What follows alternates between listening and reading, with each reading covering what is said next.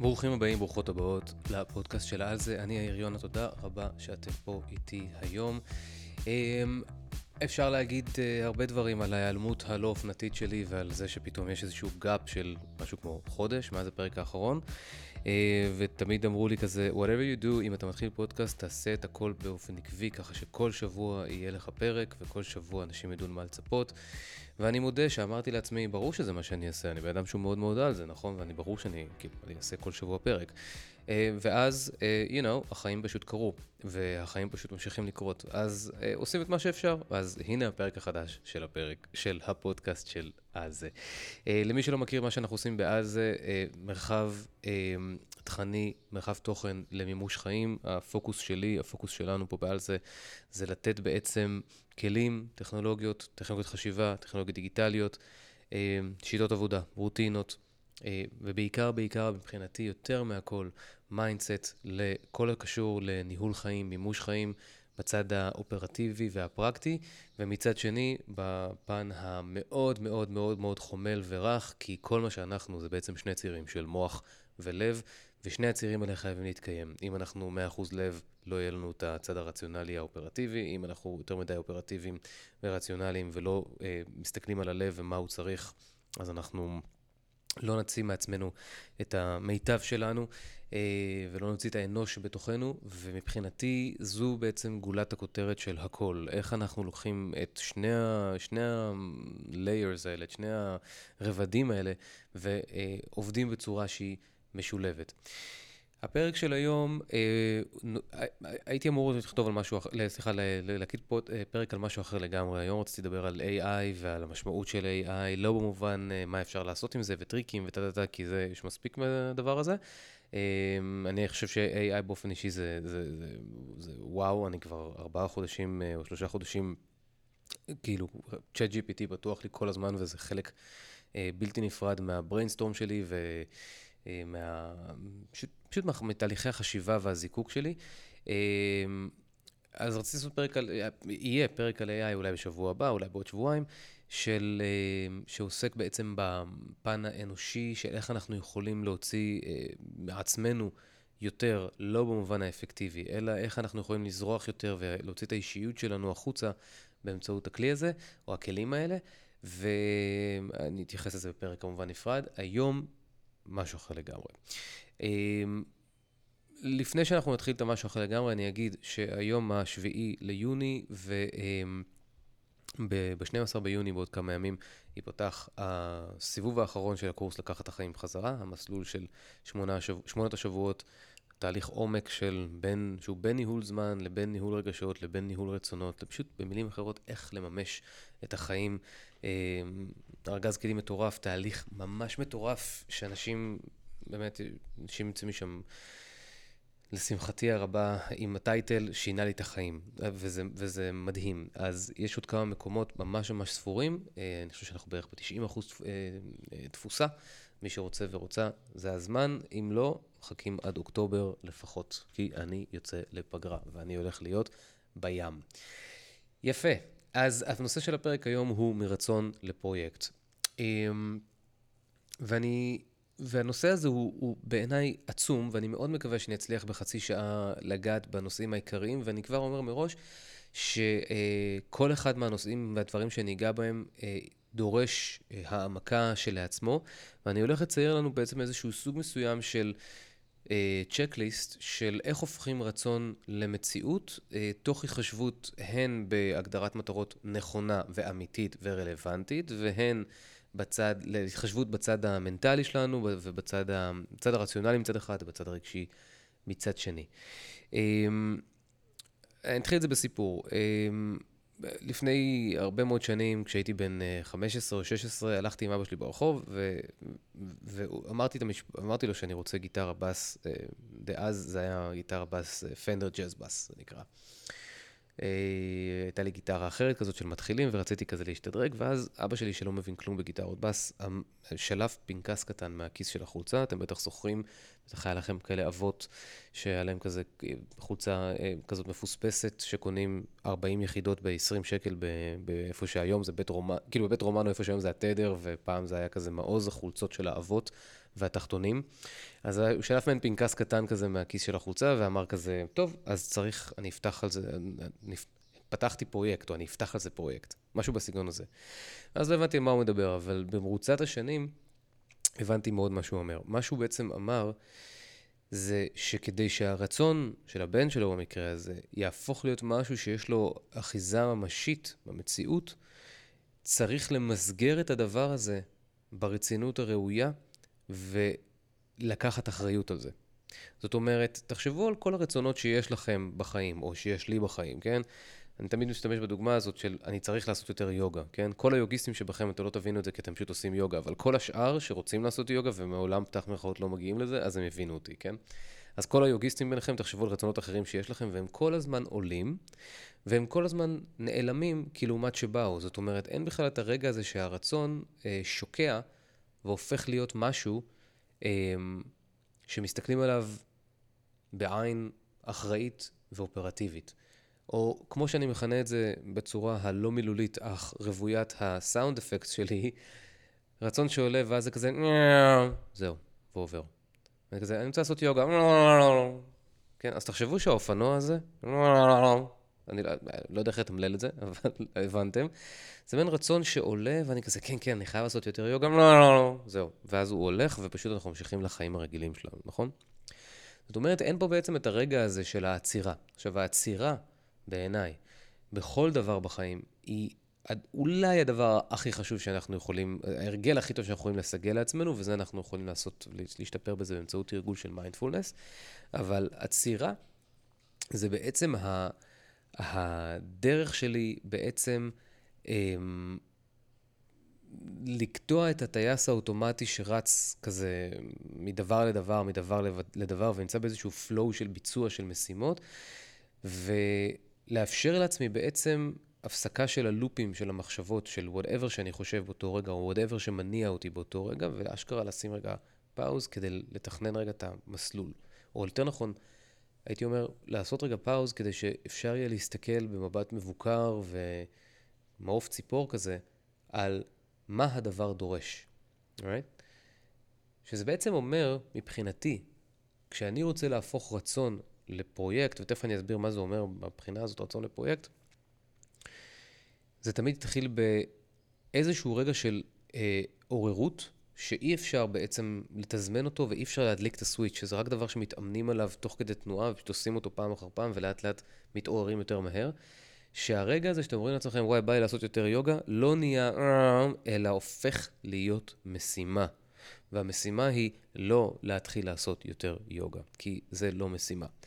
המשימה תהיה להוציא את עצמי לפגישה כדי להבין איך אני גורם לדבר הזה לקרות בהקשר של יוגה. וכשמדובר על דברים יותר מסובכים, לצורך העניין, להרים, לכתוב ספר, להוציא קורס דיגיטלי, לשנות עבודה, או אני לא יודע מה, דברים שיותר מורכבים, אז אני מוציא את עצמי לפגישה בשביל לעשות תכנון של פרויקט, תכנון של uh, תוכנית עבודה.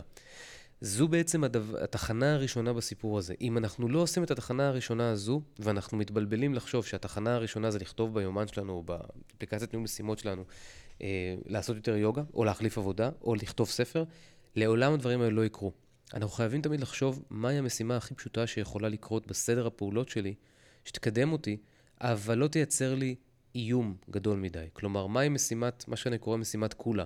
משימת קולה זו משימה שאני אומר, אני קולה צריך לעשות 1, 2, 3, 4. אם אני מסוגל לדחוף את המילה קולה לפני, לפני המשפט הזה, זה אומר שהפעולה הזאת, יש לה סיכוי הרבה הרבה יותר גדול להתקיים.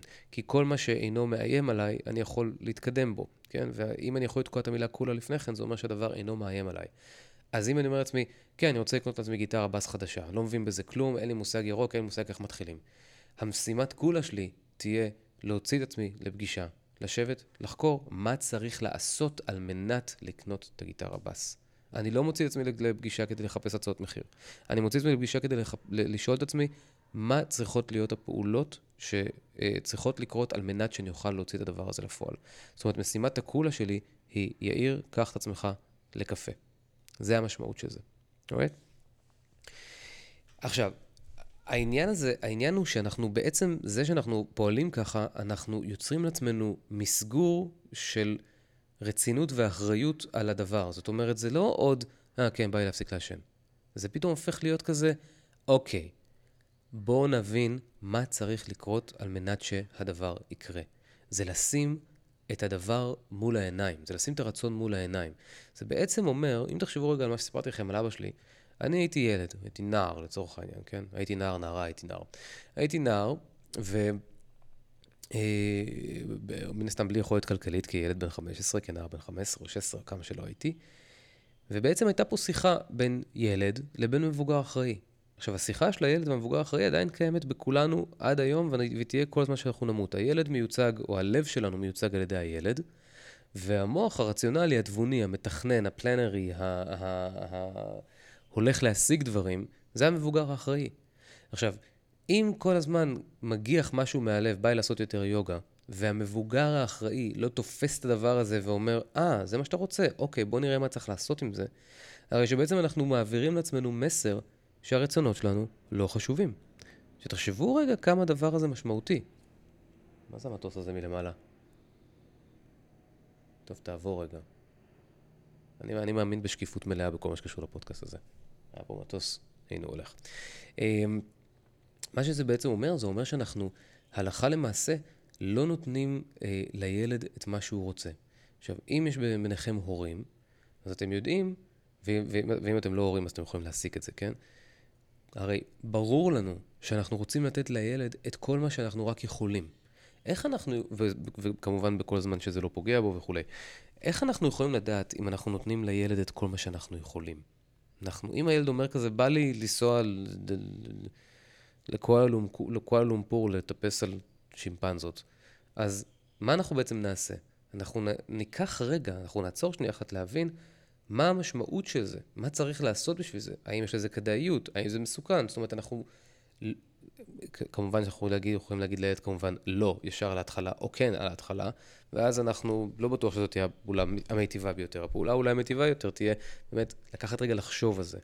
ובעצם מה שאנחנו מעבירים לילד זה את המסר הזה, תשמע, הרצונות שלך חשובים, אחי. כאילו, אל תקראו לילד שלכם אחי. זה לא הגיוני, אבל הרצונות שלך חשובים, אחי, נכון? אז אם אנחנו אם זה המסר שאנחנו מעבירים לילד, הילד יודע שיש לו support מבית, ולפחות הצרכים שלו וה, והרצונות שלו מקבלים איזשהו סוג מסוים של spotlight, של, של התייחסות, של, של אוקיי, בוא נבחן. לא בטוח שנקיים את זה, אבל בוא נבחן. ניתן מקום אמיתי לרצונות שלך. וקחו את זה עכשיו לחיים שלכם, ותשאלו את עצמכם כמה פעמים הרצונות שלכם לא מגיעים אפילו, לא מקבלים אפילו את זכות הדיון האמיתית והשווה, והשוות זכויות בבית הדין הזה של המבוגר האחראי.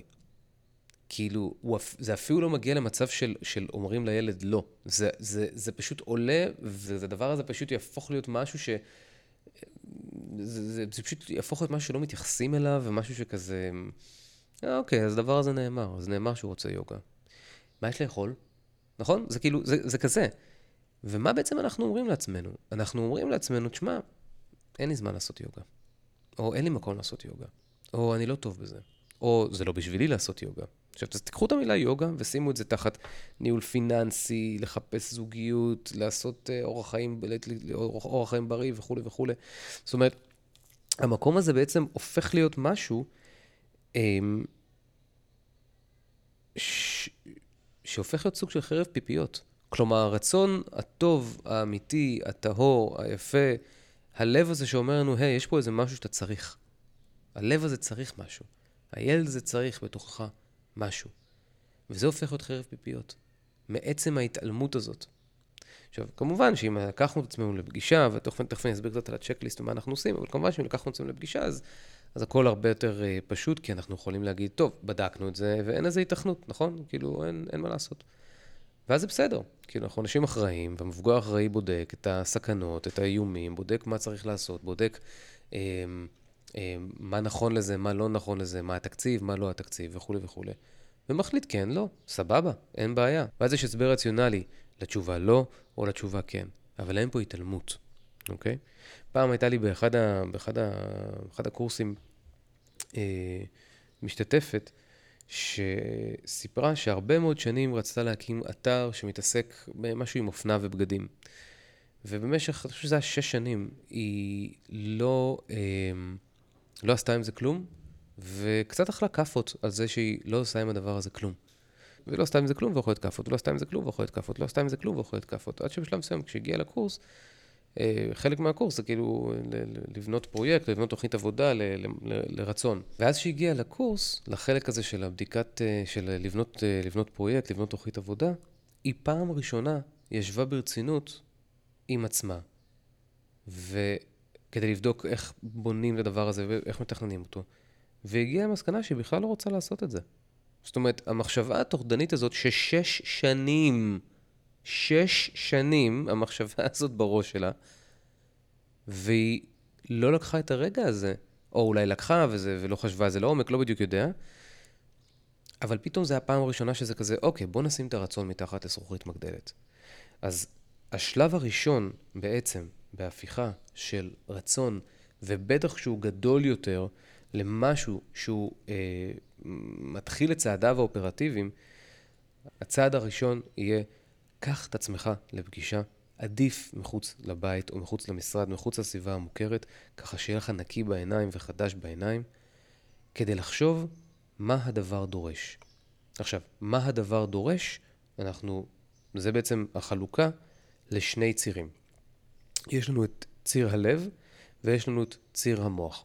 ומה שנעשה, אה, אני הולך לפרט בעצם את השלבים בציר הלב וציר המוח, ואני אגיד, בקצר, ואני אגיד בקצרה מה צריך לעשות בכל אחד מהשלבים, אבל אני גם אגיד שכמו שאמרתי מקודם, שאנחנו צריכים אה, לתת התייחסות ספציפית לכל אחד מה, מהחלקים בתוך הצ'קליסט הזה, כי הוא שווה אה, פרק שלעצמו. אז בואו נעצור שנייה אחת להגדרות, לפני שאנחנו נכנסים לציר המוח וציר הלב וציר, וכל הצד האופרטיבי, בואו ניכנס רגע לעניין של הגדרות של מטרות.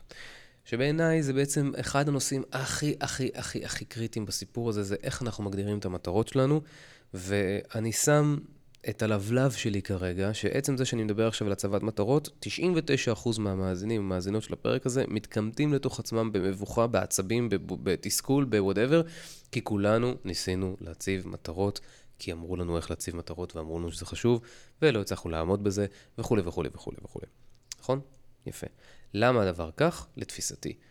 מטרות הם אי אפשר בלי מטרות. זה לא עניין של אה, חיים נכונים יותר. כל ההוויה שלנו היא הוויה של השגת מטרות מעצם העובדה שדופמין בבס, בבסיס הדבר הוא אה, נוירוטרנסמיטר שמופעל או מופרש על מנת לגרום לנו לנוע לכיוון משהו. מה זה לנוע לכיוון משהו? זה מטרה.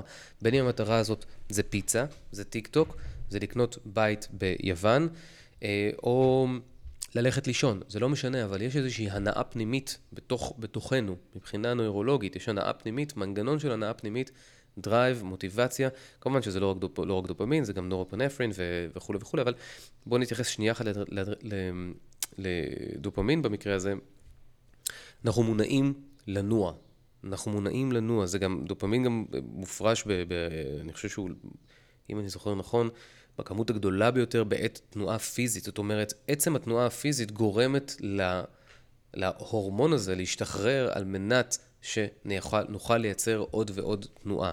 השאלה היא, האם אנחנו נעים לכיוון הנכון, נכון?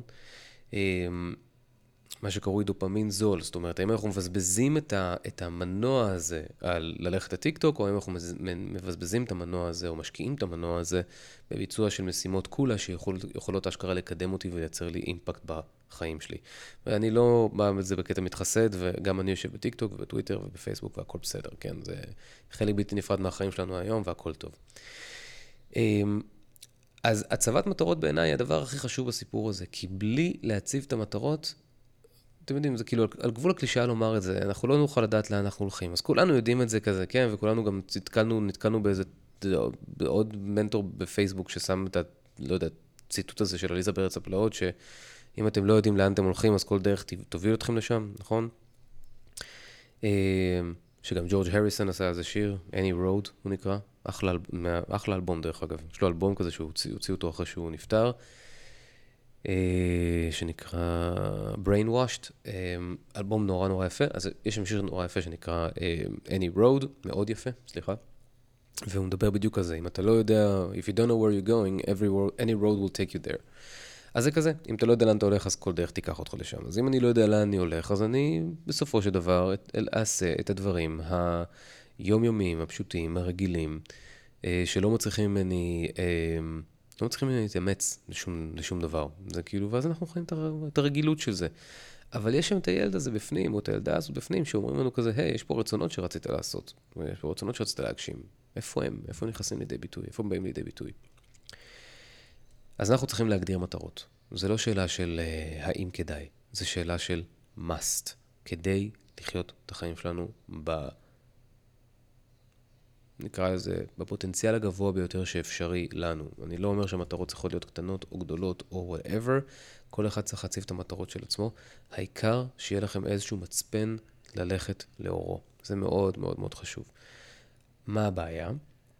שהעניין הזה של מטרות, השיח בעיניי, כן, זה לא משהו שאני יכול להגיד לכם שהוא מדע מדויק, זה באמת עניין של תפיסה, התפיסה האישית שלי.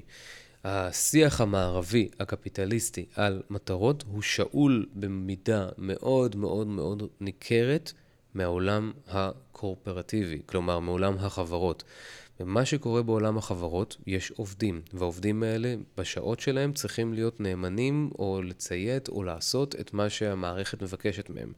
ולכן אם המערכת אומרת, אנחנו, יש לנו מטרה להגדיל את הרווחים של החברה ב-X כסף, והנה הדרכים לעשות את זה, כל מה שהעובדים והעובדות צריכים וצריכות לעשות ביום העבודה שלהם זה לעסוק בהגשמה של המטרות האלה, כי עבורם, אה, ועבור זה אנחנו משלמים לכם. זאת אומרת, הדילמה פה יורדת. אמ, ואז לקחו בעצם את המטרות, שזה דבר מאוד הגיוני, והשאילו את זה לחיים אמיתיים, רק שבחיים אמיתיים אין לנו בוס. לאף אחד מאיתנו. אין מי שיגיד לנו לרוץ יותר, לאכול יותר טוב, להשקיע בזוגיות, להשקיע בכסף שלנו, זה, זה הכל, כאילו, you know, אנחנו לבד.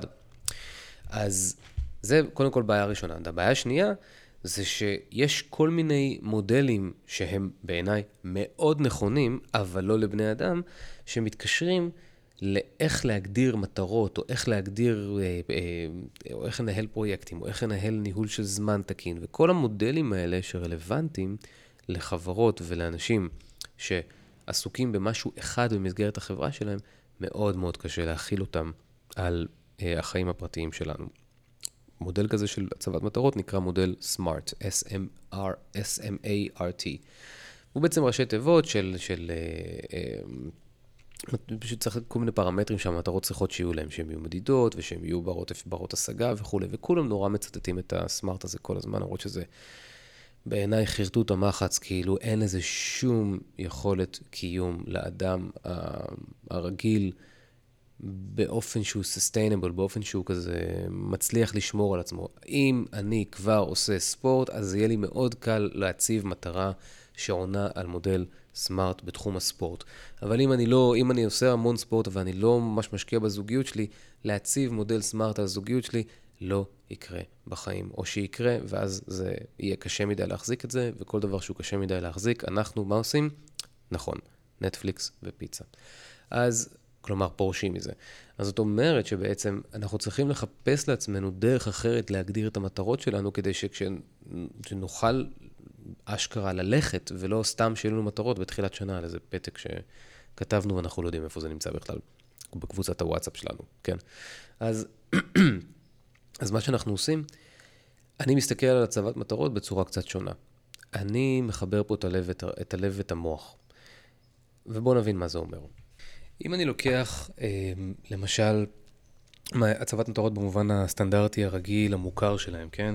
ואז אומרים, אוקיי, תחילת שנה, אני רוצה אה, לרוץ אה, עשרה אה, קילומטר. אני קודם משתמש בדוגמה הזאת, כיוון שזו דוגמה שרלוונטית לחיים שלי, כי אני כל הזמן רוצה לרוץ עשרה קילומטר. ולא ממש עושה את זה, לא ממש ניסיתי, ועכשיו אני ניסית, ניסיתי וכזה ברשתי באמצע, ועכשיו אני צריך להתחיל לעשות את זה עוד פעם. אה, ותכף נביא, אולי אם, אם יהיה זמן היום, ואם לא, אז יהיה לפרק הבא, אני אסביר למה זה לא קרה, ולדעתי, ואיך אני מתכוון לעשות את זה אחרת הפעם. אבל נגיד שאנחנו אומרים תחילת שנה, כן, אנחנו ראינו כתבה באיזה מגזין, או בבלוג של על זה, ואני אה, העליתי פרק כזה על הצבת מטרות וכולי וכולי, ועכשיו אנחנו צריכים לעשות, אה, להציב אצלנו את המטרות. אנחנו אומרים, רוצים לרוץ עשרה קילומטר. לרוץ עשרה קילומטר שלעצמה, בעיניי, צריכה לזוז מהמשבצת של מטרה ולהיכנס למשבצת של אמצעי. כיוון שלרוץ עשרה קילומטר שלעצמו, אין לדבר הזה שום תכלית אמיתית בכל הקשור לנו ולנו כבני אדם ולרצונות שלנו. אף אחד לא רוצה, אני מאמין, אולי יש ביניכם אנשים שזה אחרת, אבל... אבל אף אחד, לדעתי, לא באמת רוצה לרוץ עשרה קילומטר כדי לרוץ עשרה קילומטר, כולנו רצים עשרה קילומטר כדי להרגיש משהו. כלומר, אנחנו אה, רוצים להרגיש, לצורך העניין, גאווה, רוצים להרגיש אה, שחצינו את הגבולות של עצמנו, רוצים להרגיש ש... אה, אה, הצלחנו לעשות את האתגר הכי גדול שזה, ואנחנו כאילו עפים על עצמנו, כן? יש כל מיני רמות של גאווה מה, מהבחינה הזו. זאת אומרת, יש כל מיני סיבות שהן סיבות רגשיות בכלל. וכשאני רוצה לרוץ עשרה קילומטר, אני חייב להיות כל הזמן אה, בהבנה ובתזכורת קבועה למה אני עושה את הדבר שאני עושה. עכשיו, את זה אתם כבר, אני מניח, יודעים. צריך תמיד לדעת את הלמה מאחורי הדברים. אבל זה לא רק שצריך לדעת את הלמה, זה שצריך לתזכר לעצמנו את הלמה. ולתזכר לעצמנו את הלמה זה עניין אקטיבי, פעולה שצריך לעשות, ואנחנו תכף נדבר על החלק הזה. אבל בשביל להתחיל, אני אומר, אני מזיז קודם כל, אם חשבתי על עשרה קילומטר, אני רואה את זה, אם זה התחיל אצלי בראש בתור מטרה, היי, בא לי, לעשות, בא לי לרוץ עשרה קילומטר, בא לי לעשות יוגה, אני שואל את עצמי, אני, אני בעצם הופך את זה, ל, אה, שם את זה, כמו שאמרתי, במשבצת של, ה, של האמצעי, ואז אני אשאל את עצמי, מה המטרה הרגשית שלי, או מה מטרת העל שלי במקרה הזה? כלומר, מה באמת אני רוצה? אני לא באמת רוצה להפסיק לעשן. אני לא באמת רוצה להתחיל לרוץ. אני לא באמת רוצה לאכול יותר בריא. אני רוצה אולי להרגיש שאני לוקח אחריות על, על החיים שלי ועל הגוף שלי. זה סיפור אחר לגמרי. כי כשאני מתחיל להסתכל על זה, מתחילה אה, זה בעצם מזמין אותי וזה מאפשר לי לבנות סיסטם שלם שבאמת יכול לתמוך ב... בהצבת המטרות והיעדים האלה. ואז, רגע, נזיז פה את הכיסא, ואז מה שקורה זה שאם אנחנו מסתכלים, כדוגמה, על שלושת הדברים האלה, שזה מה שאני עושה עכשיו, הפסקת עישון, ריצה ותזונה, לשפר את עצמי את התזונה עוד פעם, אוקיי? להחזיר את עצמי חזרה. לאורח חיים בריא מבחינת, מבחינת תזונה. כל אחד שלעצמו, היה ו... לצורך העניין, לא רצתי עשרה קילומטר בתוך חודשיים, שזה היה היעד שלי, ורצתי שמונה קילומטר. ובמקום לעשות uh, סתם uh, שתי ארוחות ביום, uh, חמש פעמים בשבוע, שתי ארוחות בריאות כאלה, כלומר עשר ארוחות בריאות בשבוע, ולעשות במקום זה רק שבע או חמש, uh, על העישון אני לא מדבר על... Uh, כי זה קצת כזה yes-no, זה, זה דבר שאי אפשר רק סיגריה אחת ביום, לפחות לא במקרה שלי, כיוון שזה מדרדר אותי לעישון. כבר הייתי במקומות האלה, אז אני חייב להפסיק את זה לגמרי. אז בואו נגיד, למשל, ניקח את, ניקח את שתי הדוגמאות, שתי הדוגמאות, שני, שתי, שתי, שני האמצעים אה, הראשונים של אוכל ו, וספורט. אז גם אם לא הגעתי בעצם לסוף המטרה, לא הגעתי להגשמה המלאה של המטרות האלה, אבל הן משלימות אחת את השנייה. זאת אומרת שגם אם רצתי רק שמונה ולא עשר בחודשיים, ורק 70% אה, מהארוחות שהתכוונתי ולא 100%, שני הדברים לא משלימים אותי וכן יגרמו לי להרגיש את הדבר שאני רוצה להרגיש, שאני לקח עצמי בידיים. הרי אף אחד מכם, תחשבו על זה רגע, יש לכם סיכוי הרבה יותר, אה, אה, יש לכם סיכוי ממש להתבאס על עצמכם, על זה שלא הגעתם ליעדים שהצבתם, אם, המת, אם האמצעים האלה היו המטרות, כלומר, אם הריצה הייתה המטרה, אבל ברגע שאנחנו שמים אותה בתוך קונטקסט של, זה בסך הכל אמצעי בשביל להגיע למשהו אחר לגמרי, שהמשהו האחר הזה הוא בעצם הלב שלי, הוא דברים שנמצאים ברמת הלב שלי, אז הכל בסדר. ואנחנו לא באמת רוצים לרוץ עשרה קילומטר, כמו שאמרתי. אנחנו רוצים להרגיש טוב עם עצמנו. בין אם הטוב הזה מתפרש, ב, מתפרש בתור אה, אה, גאווה ושמחה ושחצנות, או לא יודע מה, whatever שזה לא יהיה. אנחנו רוצים להרגיש, לא רוצים לרוץ, אוקיי? בלי קשר לזה שריצה היא דבר מהנה, וגם, obviously, במובן הפסיכולוגי, במובן של, אה, במובן הפיזיולוגי, הכל טוב. לא, מוצ... לא, לא מוציא את העוקץ מהריצה, כמובן, חס וחלילה, כן? אז מה שאני עושה, אני קודם כל נותן לרצון את המקום האמיתי שלו. הרצון שלי לעשות יוגה, או הרצון שלי להרים פודקאסט, או הרצון שלי להרים ספר, או whatever שזה לא יהיה. לא שיש משהו רע בלהסתכל על הרצונות האלה כרצונות, ברור שלא. אני פשוט מנסה, לפחות זה מה שעובד לי, לתת לזה סיפור יותר הוליסטי, כדי להבין מה, המת... מה הדבר הזה באמת משרת. למה אני רוצה להקליט פודקאסט? למה אני חשוב לי לצאת לרוץ? למה חשוב לי לעבוד על הזוגיות? למה חשוב לי לאכול טוב? עכשיו, זה נשמע כאילו על גבול ה... תגיד, אתה אידיוט? כאילו, כל אחד מהדברים האלה, יש לו את החשיבות שלו, וזה ברור מה החשיבות שלו. אבל כדי שאני אוכל לא... בוא נגיד ככה, שאני אוכל לעזור לעצמי פחות. לשבור את, ה... את ההחזקה של הדרך לקראת המטרה הזאת, שאני אוכל להתמיד, במילים אחרות, אמ, אני מאמין שאנחנו כאנשים חייבים להבין את הסיפור היותר גדול, את המניעים היותר גדולים. אמ, אנחנו מונעים מסיפור, זה כל מה שאנחנו. אמ, בבסיס הדברים יש אה, אותנו בתור ילדים בגן, דבר שמכנס אותנו סביב, סביב מישהו זה סיפור. סיפור, משחק, הפעלה, חוויה, זה הדבר הזה שגורם לנו להיות בעצם לעקוב אחרי איזשהו סוג של נרטיב מסוים, שמפעיל לנו את הדמיון וללכת אחריו. ואז, אמ, ואז פתאום אני כזה, קודם כל הדבר שמשיגים מזה זה שהדרמה יורדת מתוך השגת המטרה. כלומר, זה לא הופך להיות פתאום, oh my god, oh לא רצתי, לא רצתי את עשרה קילומטר, רצתי רק שמונה, ולא בשלושה חודשים, אלא בארבעה חודשים. למי אכפת? זה פתאום שם את זה, זה מעקר את, ה, את הדרמה מתוך זה, וזה שם את הכל בתוך איזשהו context. עכשיו, כל, מה, כל אחד מהאמצעים האלה הולך להתפרק למשימות כולה. כלומר, אנחנו נצטרך להבין ולתכנן מהם המשימות הפרטניות, הקטנות, הפשוטות, הרגילות, שירכיבו את הגשמת הפרויקט, את הגשמת האמצעי הזה, אוקיי? עכשיו, מה ההגדרה שבעצם של פרויקט? אז אמרנו, בואו נסתכל על זה, בואו נסתכל על זה רגע מלמעלה למטה. יש לנו את המטרה הראשית. המטרה הראשית שלי, לצורך העניין, יוצא להרגיש יותר טוב אה, עם, ה, עם הגוף שלי, סבבה? ויש לנו שם שני, שלושה אמצעים. אמצעי אחד מתקשר להפסקת עישון, אמצעי שני מתקשר להתחלת ריצה, אמצעי שלישי מתקשר לאורח חיים בריא במובן, במובן של תזונה, אוקיי? שמירה על תזונה בריאה. כל אחד מהם הוא אמצעי, ואנחנו צריכים להגדיר אותו בתור פרויקט. מהו פרויקט? פרויקט זה אסופה של משימות, זה הכל, זה כל מה שזה. אבל בפרויקט יש בעצם שלוש הגדרות חשובות. ההגדרה הראשונה היא אה, היעד, ה, היעד הספציפי. כלומר, אני לא רוצה להתחיל לרוץ, אני רוצה להתחיל לרוץ עשרה, אני רוצה להגיע לריצה של עשרה קילומטר. זאת אומרת, זה משהו שהוא ספציפי, הוא מדיד, אפשר להגיד האם הוא קרה, האם הוא לא קרה, אי אפשר באמת, אה, אי אפשר אה, להסתכל על זה במובן של אני לא יודע אם זה קרה. זה ברור אם זה קרה או לא קרה. זה א'. ב', כמה זמן הדבר הזה אמור לקחת לי. כלומר, אני רוצה לרוץ עשרה קילומטר עד הראשון בספטמבר, אוקיי? אז יש פה יעד ויש פה זמן. והדבר השלישי. כולם לא עושים אותו בצורה סיסטמטית, 100% מהאנשים, זה להגדיר את גודל המשאב שאני מקצה לזה. הרי תחשבו על זה שאם הייתם עכשיו סתם טסים לאנגולה, הייתם אומרים, אוקיי, אני מתקצב פלוס מינוס, סתם אני אומר, 5,000 שקל לנסיעה הזאתי, שבתוך זה אמור להספיק, המלונות, האוכל, ליטוף זברות, כל מה שעושים באנגולה. ו... כשאנחנו מדברים על תכנון של, של פרויקטים בהקשר של, שלנו, של החיים הפרטיים שלנו, אז ברור שכסף הוא חלק מהעניין, ברור, אבל יותר חשוב מהכל, או חשוב לא פחות לצורך העניין, יהיה כמה שעות אני מוכן להקצות בשבוע עבור הדבר הזה. כי זה המשאב ש, שהוא הכי פרייסלס, שאי אפשר, אפשר לייצר ממנו, נכון?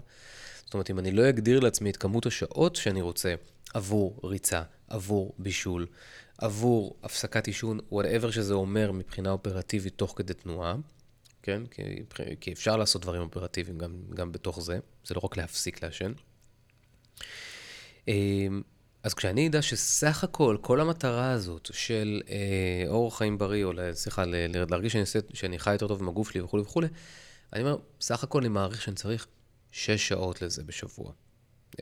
שעה, שלוש פעמים בשבוע לריצה, זאת אומרת זה שלוש, ועוד נגיד שעתיים בשביל בישול, אה, ועוד שעה של אה, לראות אה, יוטיובים על הפסקת עישון, סתם אני אומר, אוקיי? וברגע שאני מסתכל על זה ככה, מה הדבר הבא שאני עושה?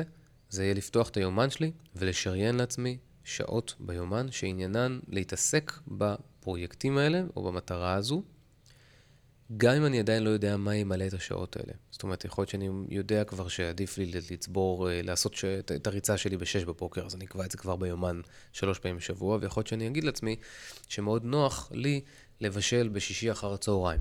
אז אני גם את זה אשים ביומן. ואז תפסתי בעצמי, תפסתי את המשבצות האלה עבור הרצון שלי. מה שעד לפני שנייה היה כזה, וואי, בא לי לרוץ עשרה קילומטר, כזה, הפך להיות פתאום איזה משהו שנמצא ביומן שלי, והוא משוריין לו זמן. שאם עכשיו חבר שלי יתקשר ויגיד לי, היי, בוא, בשישי אחרי צהריים, אתה רוצה לבוא לשחק כדורגל בפארק? כן, כי אנחנו גברים, וזה מה שאנחנו עושים, משחקים כדורגל בפארק. סתם, רוצה, בוא, בוא נלך לשתות בירה וללהג על החיים. אז אני אדע מול מה הדבר עומד. כלומר, מול מה ההצעה שלו עומדת.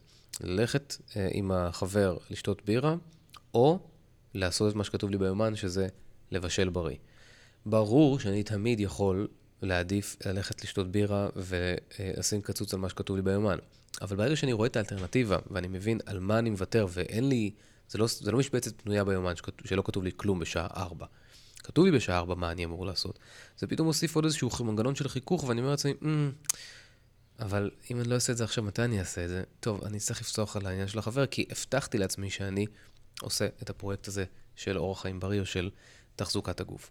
אז העניין הזה של מטרות בהקשר הזה, לסיכומו של עניין חשוב מאוד שאנחנו נגדיר את ה...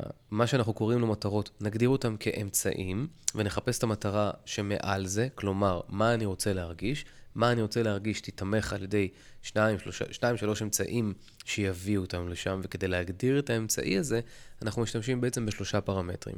אחד, היעד המדיד, שתיים, הזמן שלוקח להגיע, ושלוש, כמות השעות השבועית שאנחנו רוצים. ואנחנו נשריין את השעות האלה ביומן. הנקודה האחרונה היא כל כך חשובה, כי אף אחד לא עושה את זה, ואז, פתח מירכאות, לא מצאתי זמן לזה, סגור מירכאות. אין למצוא זמן. יש אך ורק לקחת אותו, לכבוש אותו, לסמן אותו, לצבוע אותו, לקרוא לו בשם, אה, לתת לו זכויות סוציאליות, whatever שצריך, אבל הזמן צריך התייחסות מאוד מאוד מאוד אה, אה, מדויקת ומכוונת על ידינו. זה פשוט לא מגיע שלעצמו. אז זה העניין של קודם כל system של בניית אה, מטרות, אה, וההבדל בעצם במה שהרוב העולם אה, עובד לפי גישה של מטרות, שאף פעם לא קורות. בגישה שלי, אני מאמין שתמצאו אותה כמאוד מאוד מועילה. לא יכול להבטיח כלום, obviously, אבל אני חושב שתמצאו אותה הרבה יותר הגיונית, כי היא מחברת לנו את הלב. קודם כל, אנחנו מבינים את הלמה. אבל זה כמובן לא מספיק. עצם זה שהגדרתי את זה, לקחתי את זה מהמקום של רוצה לרוץ עשרה קילומטר למקום של רוצה לחיות, אה, לשפר עצמי את האהבה לגוף, למשל, זה פתאום שם מול העיניים סיפור אחר שאיתו אני מסתובב ברחוב. כלומר, אף אחד לא באמת כזה אומר, הולך ברחוב מוטרד, mm, וואי, אני לא עושה יוגה, אני אמור לעשות יוגה, אני לא עושה יוגה. זה לא מטריד אותנו באמת, וואי, אני אמור... הדברים האלה של האמור, של האופרטיבי, אלא אם כן יש איזושהי בעיה חמורה, זה בדרך כלל לא יטריד אותנו, עד שתיווצר בעיה. זאת אומרת, אני לא מוטרד מהיוגה, אלא אם כן יש לי ממש ממש כאבי גב, ואני גוער בעצמי על זה שאני לא עושה יוגה, נכון?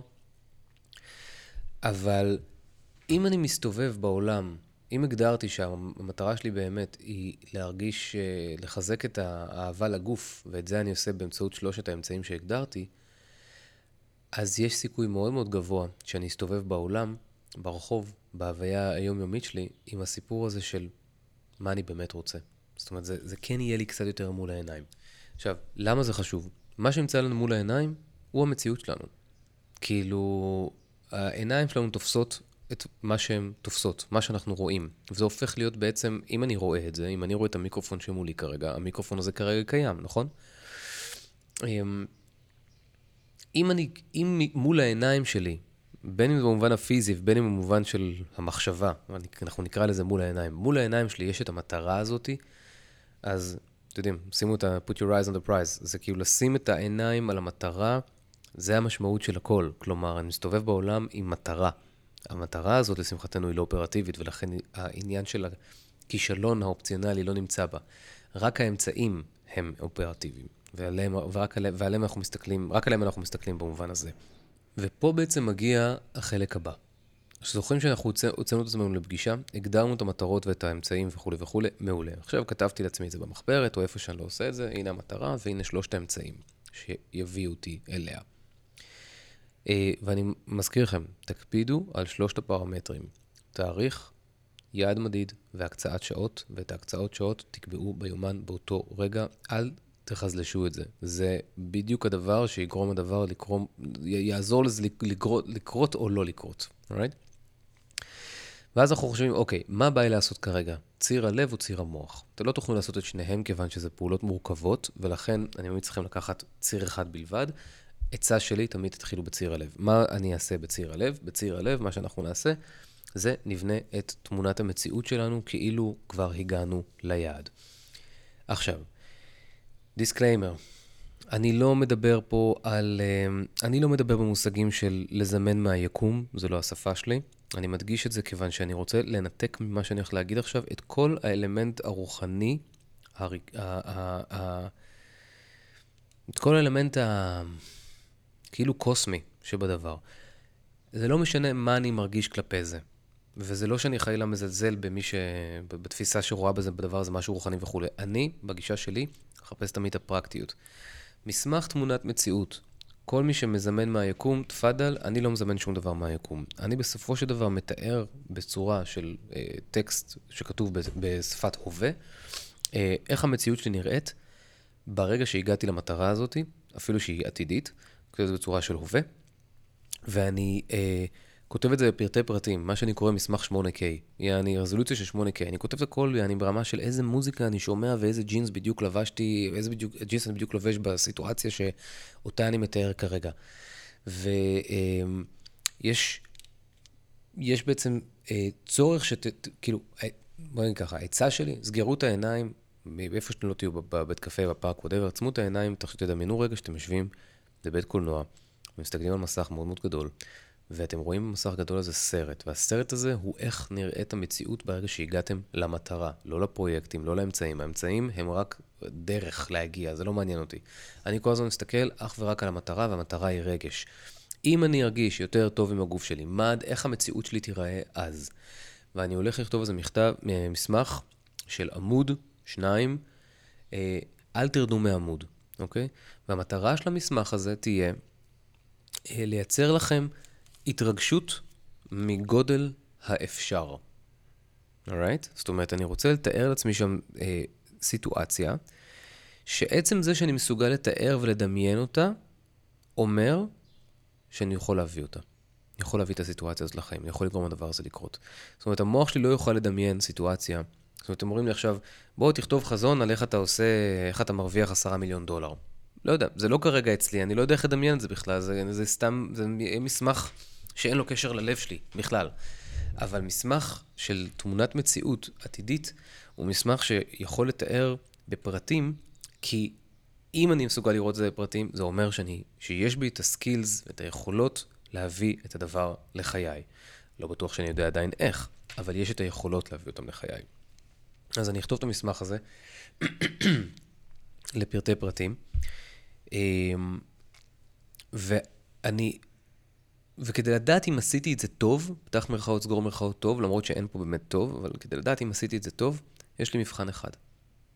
האם הלב שלי שר כשאני קורא את זה? זה הכל.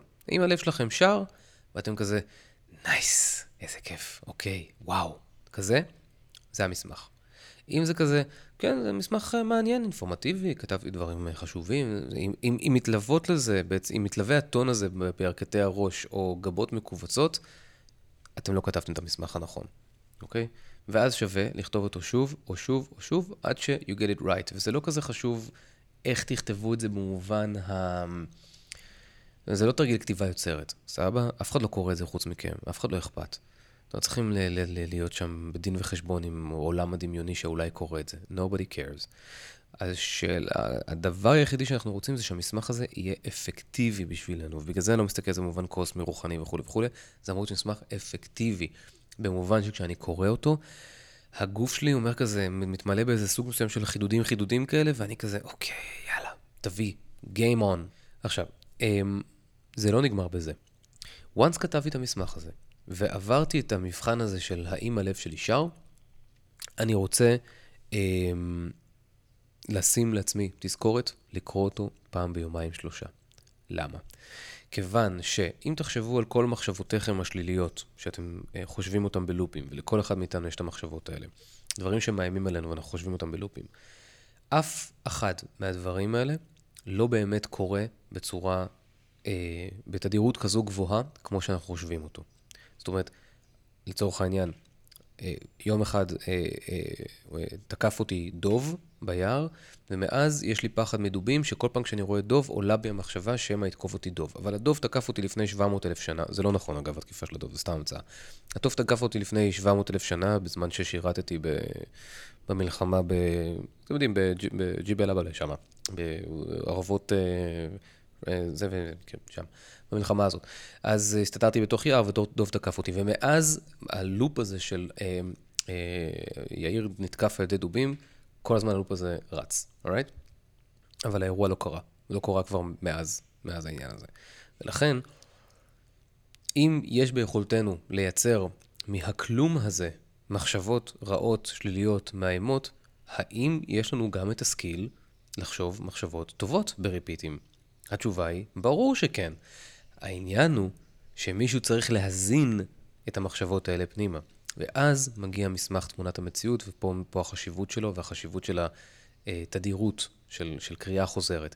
אם אתם תפתחו את היום שלכם, פעם ביומיים, פעם בשלושה, תקראו את המסמך הזה, אבל אל תקראו אותו בקטע של כן, כן, כתב, קראתי את זה, כן, כן, אני זוכר, אה, נכון, זה מה שכתבתי. לא, אלא תקראו את זה הכי שאתם יכולים בעיניים של ילד או ילדה, ו...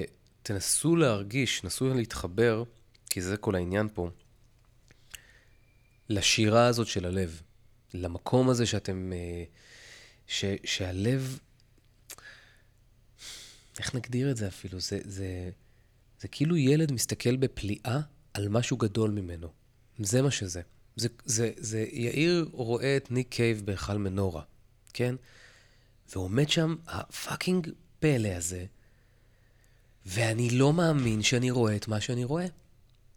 זה מה שאני צריך. ואם החזון שלכם כתוב, או התמונת מציאות הזאת כתובה בצורה כזו, אתם תתחילו את היום שלכם בכזה קיול, אני לא רוצה להגיד את המילים קיול אנרגטי, כי אני לא מבין מה זה אומר, אבל בואו נוציא רגע את האספקט שזה לא מדעי בשום צורה, אבל יש איזו התכווננות מסוימת, יש איזשהו... להתחיל את היום עם, עם, עם לראות את העולם דרך המשקפיים האלה שכרגע שמתם על עצמכם, שעניינם איך העתיד שלי יכול להיראות כשהמטרה הרגשית הזאת מושגת. תשימו לב כמה רחוקים אנחנו מריצת העשרה קילומטר, וכמה היא הופכת להיות פאקינג כלי, לא יותר מזה. זה בסך הכל כלי, ואנחנו בונים פה בעצם משהו שכולו עניין רגשי לחלוטין, כי רק העניין הרגשי הזה יוכל לדחוף אותי, והקריאה של החזון תוכל לדחוף אותי לצאת לרוץ כשלא בא לי. וגם זה לא בטוח יעזור. לא תמיד. אבל אנחנו מגבירים לעצמנו את הסיכוי, כן? כמובן שיש עוד דברים אופרטיביים שאפשר לעשות, כמו לקחת חבר לריצה, או כל מיני דברים שאפשר לעשות, אבל לא ניכנס לזה עכשיו, כי זה לא הנושא שלנו, אבל בגדול, אם אני מזכיר לכם, תחשבו על זה ככה, אני אגיד את זה בצורה הכי, הכי בוטה, כן? אם כל יום מישהו בכם, בתוך עצמכם, אומר לכם שאתם חרא, אתם תתחילו להאמין שאתם חרא. די מהר. אבל אם כל, יום או כל יומיים מישהו מצייר לכם את התמונה, מישהו בתוככם מצייר לכם את התמונה של המציאות האפשרית ואומר לכם, אתם fucking זהב, אתם לאט לאט תתחילו לראות את הזהב שבכם. אין דרך אחרת. אם זה עובד לשלילה, זה חייב לעבוד לחיובי, גם אם במקרה שלכם הוא מקרה קיצוני ואתם אנשים מאוד ספציפיים שקרה לכם אירוע מאוד ספציפי, סבבה. I get it? אתם עובדים, המוחות של כולנו עובדים בדיוק אותו דבר. יש טראומות, יש שריטות, יש צלקות, אני לא חושב שזה פותר את זה. אני רק אומר שהמנגנון הזה של רפיטיציה של מחשבות חיוביות עובד כמו המנגנון של מחשבות שליליות. לנוירונים לא אכפת, זה עובד אותו דבר, אורייט? Right? עכשיו, יש עוד כמה דברים שאפשר לעשות במסגרת הציר של הלב, אבל כדי לא להעמיס עלינו, אני משאיר רגע את הדבר שהוא מבחינתי ההכרחי. אני רק אגיד שלמי שלא מצליח לדמיין את המציאות הזאת שהוא היה רוצה או הייתה רוצה עבור עצמו ועבור עצמה, שווה מאוד לעשות מה שקרוי לכתוב דפי בוקר, שזה לפתוח את הבוקר שלך עם שלושה דפים שבהם אתה כותב את כל מה שעולה לך בראש באותו רגע בצורה שהיא לא מפולטרת, כותב הכל, וזה בעצם דרך, וזה לוקח כמה ימים, זה דרך לנקז אה, להגיע בעצם למאחורה של הראש ולהתחיל להבין קצת יותר מה יש שם בפנים. כי סביר להניח שאתם יודעים בדיוק איזה מציאות אתם רוצים, אבל סביר להניח שהיא ממוסכת על ידי פחד, תחושות אה, אי מסוגלות, או כל מיני מרעין בישין מהסוג הזה שדופק לנו את העניינים. אז זה בהקשר של ציר הלב. בציר המוח, ששוב, זה לא יכול להתקיים באותה, באותה דרך, באותה, סליחה, באותה פגישה, כי אין מספיק מקום וזמן לכל זה, אה, אני פשוט אצא לפגישה נוספת, כן? עכשיו, זה יכול להיות שזה נשמע לכם עכשיו כמו, אחי, fucking תעשה יוגה, וזהו. אין בעיה, זה אפשרי. אתם יכולים fucking לעשות יוגה. אבל אם אני רוצה לנסות להבטיח שדברים שניסיתי אותם שלושת אלפים פעם בעבר אשכרה יקרו, לנסות להבטיח, אני מחפש גישה אחרת. כי כבר ניסיתי את הספורט הזה 30 אלף פעם, ולא הצלחתי להתמיד. עכשיו, ההבדל הוא שאני, בתור בן אדם שהוא מאוד מאוד על זה, לא מוכן לוותר על זה שאני אעשה ספורט, או על כל דבר אחר. כי יש אנשים שעושים את זה, והם מתמידים. אני לא בנוי מחומר אחר, אנחנו תא מולקולות, עם היסטוריות שונות, אבל אנחנו תא מולקולות. אני חייב לגרום לדבר הזה לקרות גם כן, לא אכפת לי איך, אוקיי? אז זה לא אומר שאני לא עף מה... עף ומתייאש, ואין לי את הרגעים האלה של כזה fuck it, פשוט בוא נאכל מלא דוריטוס וזהו. ואז אני כזה, לא, אבל אתה לא יכול, אתה... אבא'לה, אתה מזדקן, אז תעשה ספורט, אין לך ברירה, כן. אז אה, אני מנסה לייצר לעצמי, כאילו, כל הזמן מנסה לעשות כזה אקספרימנטים עם עצמי כדי לנסות להבין מה יהיה, אה, מה תהיה דרך שאולי הפעם זה איכשהו יצליח להתקיים. כלומר, אני מתמיד בהתמדה, בתכלס, יותר מכל דבר אחר. אני אה, לא מוכן לוותר על ההתמדה עצמה. אז ציר המוח. בציר המוח אנחנו בעצם לוקחים את שלושת הפרויקטים שהגדרנו, שעבור כל אחד מהם יש יעד, אה, תאריך סיום והקצאת שעות, ואנחנו מפרקים את, ה... את הפרויקטים האלה בעצם לפרוטות. מנסים להבין, מה זה מנסים? מבינים, כותבים, את כל משימות הקולה, את כל המשימות הקטנות ביותר, שזה נראה, יראה לכם כמו התעסקות מטומטמת לגמרי בהתחלה, אבל אתם תראו שכל המשימות הקטנות שתכתבו, מרמת להסתכל בגוגל איזה אפליקציית ריצה מומלצת, ועד uh, לעשות uh, בדיקה איפה שווה להזמין uh, uh, ירקות מה, מהמשק, איפה הכי זול או איפה הכי שווה או whatever. כל הדברים האלה הם משימות ש- anyway היו קורות. השאלה אם היינו רואים אותם או לא רואים אותם. ברגע שאנחנו מסתכלים על כל המשימות האלה ועושים לעצמנו רשימה של כל המשימות האלה, יש כמובן דרך הרבה יותר מתודית ומסודרת לעשות, אני מסביר את זה בקורס ואני צריך לעשות איזה פרק בנפרד, בגלל זה אני קצת מקצר את זה כדי שזה לא, לא לחפור לכם יותר מדי. כי אני יוצא מנקודת הנחה שכולכם, אה, כל מי שמקשיב לזה, יש לו את התבונה, לא ולה, את התבונה הבסיסית, כדי לדעת מהם הפעולות שצריכות לקרות בכל פרויקט שהיינו רוצים להוציא לפועל. אולי אין לנו את כל התמונה, אבל יהיה לנו לפחות חלק מהפעולות שנוכל להתחיל לנוע בהן. וכשאנחנו מתחילים לייצר תנועה, אנחנו נמצאים, אה, נוצרת אינרציה, ואנחנו יכולים לייצר עוד תנועה כתוצאה מזה. זאת אומרת, העניין הוא רק תניע. עכשיו, תחשבו, כל מה שעשינו פה זה לקחת את העניין של היוגה, את הרצון הקטן הזה, לעשות עליו framing כזה של של פרויקט אחד גדול, ואז זה היה כזה, אוקיי, אבל מה הדבר הזה משרת? הדבר הזה משרת מטרה רגשית. אז מטרה רגשית, פרויקטים. פרויקטים מתפצלים למשימות כולה, שאני הולך לעשות כל יום קצת מהם, או באיזשהו, באיזשהו, באיזושהי תדירות מסוימת, וככה אנחנו מביאים את הדבר לידי ביצוע. עכשיו, ככל שהפרויקטים מורכבים יותר, אז ככה צריך להרכיב, אה, ככה, סליחה, ככל שהפרויקטים יותר מורכבים, ככה הפירוג שלהם יהיה יותר מסועף, ויכול להיות שיהיה יותר מסובך, אבל אני משאיר את זה רגע ברמת הבסיס. כל פרויקט, סביר להניח שאתם יודעים מה המשימות הראשונות שדרושות על מנת להוציא אותו לפועל. אז בעצם מה שיצרנו פה, יצרנו פה סיסטם של, אה, אה, שלוקח בחשבון את הצד האמוציונלי שלנו, שאסור, אסור, אסור לדחוק אותו, כי הוא יתפרץ עלינו. אה, כמו כל ילד שלא מקבל מה שהוא רוצה, מתישהו, בצורה של טנדרומים, חרם, אה, תופעות פיזיולוגיות, וואטאבר, מתוך הילד, במקרה של הילד. במקרה שלנו זה יהיה בדיוק אותו דבר. הדברים שאנחנו לא נותנים לעצמנו, שאנחנו מרגישים שיש איזשהו רצון שעולה, ואנחנו כל הזמן מכבים אותו או לא נותנים אותו, זה יעוף עלינו. שלא תחשבו, אתם יכולים לדחות את זה עוד יום, עוד יומיים, עוד חודש, עוד חודשיים. מתישהו זה יישבר עלינו בב' דגושה, וזה יישבר בקטע, בזמן הכי הכי הכי לא נכון, שפתאום תהיו כזה, fuck it, אני מתפטר ולא אכפת לי מכלום, ואז כזה, oh my god, אוי מה עשיתי וכולי וכולי. אז אנחנו רוצים לקחת הרצונות שלנו ולהכניס אותם למקום של תשומת לב. לב ומוח. זה המסר הראשון. דבר שני, אל תהפכו, כל פעם כשאתם רואים את המטרות שלכם, תשאלו את עצמכם האם המטרה הזאת ראויה כמטרה, או שהיא בעצם אמצעי לסיפור יותר גדול. אם אתם מבינים את הסיפור היותר גדול, או מה זה אם אתם מבינים? אתם תוציאו את עצמכם לפגישה עם עצמכם כדי להבין מה הסיפור היותר גדול, אם זה לא טריוויאלי לכם באותו רגע, ואז אתם מחליטים, או שאני כותב מסמך חזון, תמונת מציאות, בזמן הווה, עם מלא פרטים קטנים, מנסה לתאר אותו ככה בצורה הכי בשרנית שאני יכול, ככה שהלב שלי ישיר, ושם לעצמי reminder ביומן, ב- to-do list שלי, whatever, כל יומיים, כל שלושה לקרוא את זה, ואני קורא את זה עם כל הלב שלי, בעיניים של יאיר רואה את fucking ניק קייב בסינרמה. ב... לא בסינרמה, במנורה, אחד מנורה. אה, והדבר השני, הוא עכשיו כשאנחנו מסתכלים בעצם על שלושה פרויקטים, מה שעד לפני שנייה היה רק יוגה, פתאום אנחנו מקבלים איזושהי תמונה יותר מלאה ואנחנו מבינים את הסיפור האמיתי שמאחורי הדבר, אז יש לנו גם, אני מקווה בשבילכם, איזושהי, אה, איזשהו drive יותר גדול לעשות, אה, לפרק את, את הפרויקטים האלה ולהבין ממה הם מורכבים, מהם המשימות שצריכות לקרות. עכשיו, שריינו זמנים ביומן כבר, אני מזכיר לכם, כן?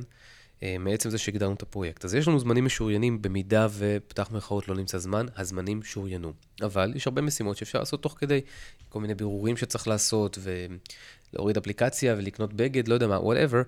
כל הדברים האלה אפשר לעשות אותם גם בין לבין, אבל בכל מקרה, יש לנו את הזמנים השמורים עבור הפרויקט, וזה בעצם היופי של זה, שזה כמו בכסף. שמנו בצד חלק מהתקציב עבור משהו. זה אותו דבר קורה גם בזמן. זהו, אז זה היה אינטרו על הצבת מטרות ועל, הסת... ועל להפוך רצון לפרויקט. בפרק הבא, או שאני אדבר על AI, או שאני אספר לכם באמת על הפרויקט שלי שמתקשר לעישון, ריצה ו... ותזונה, תזונה בריאה.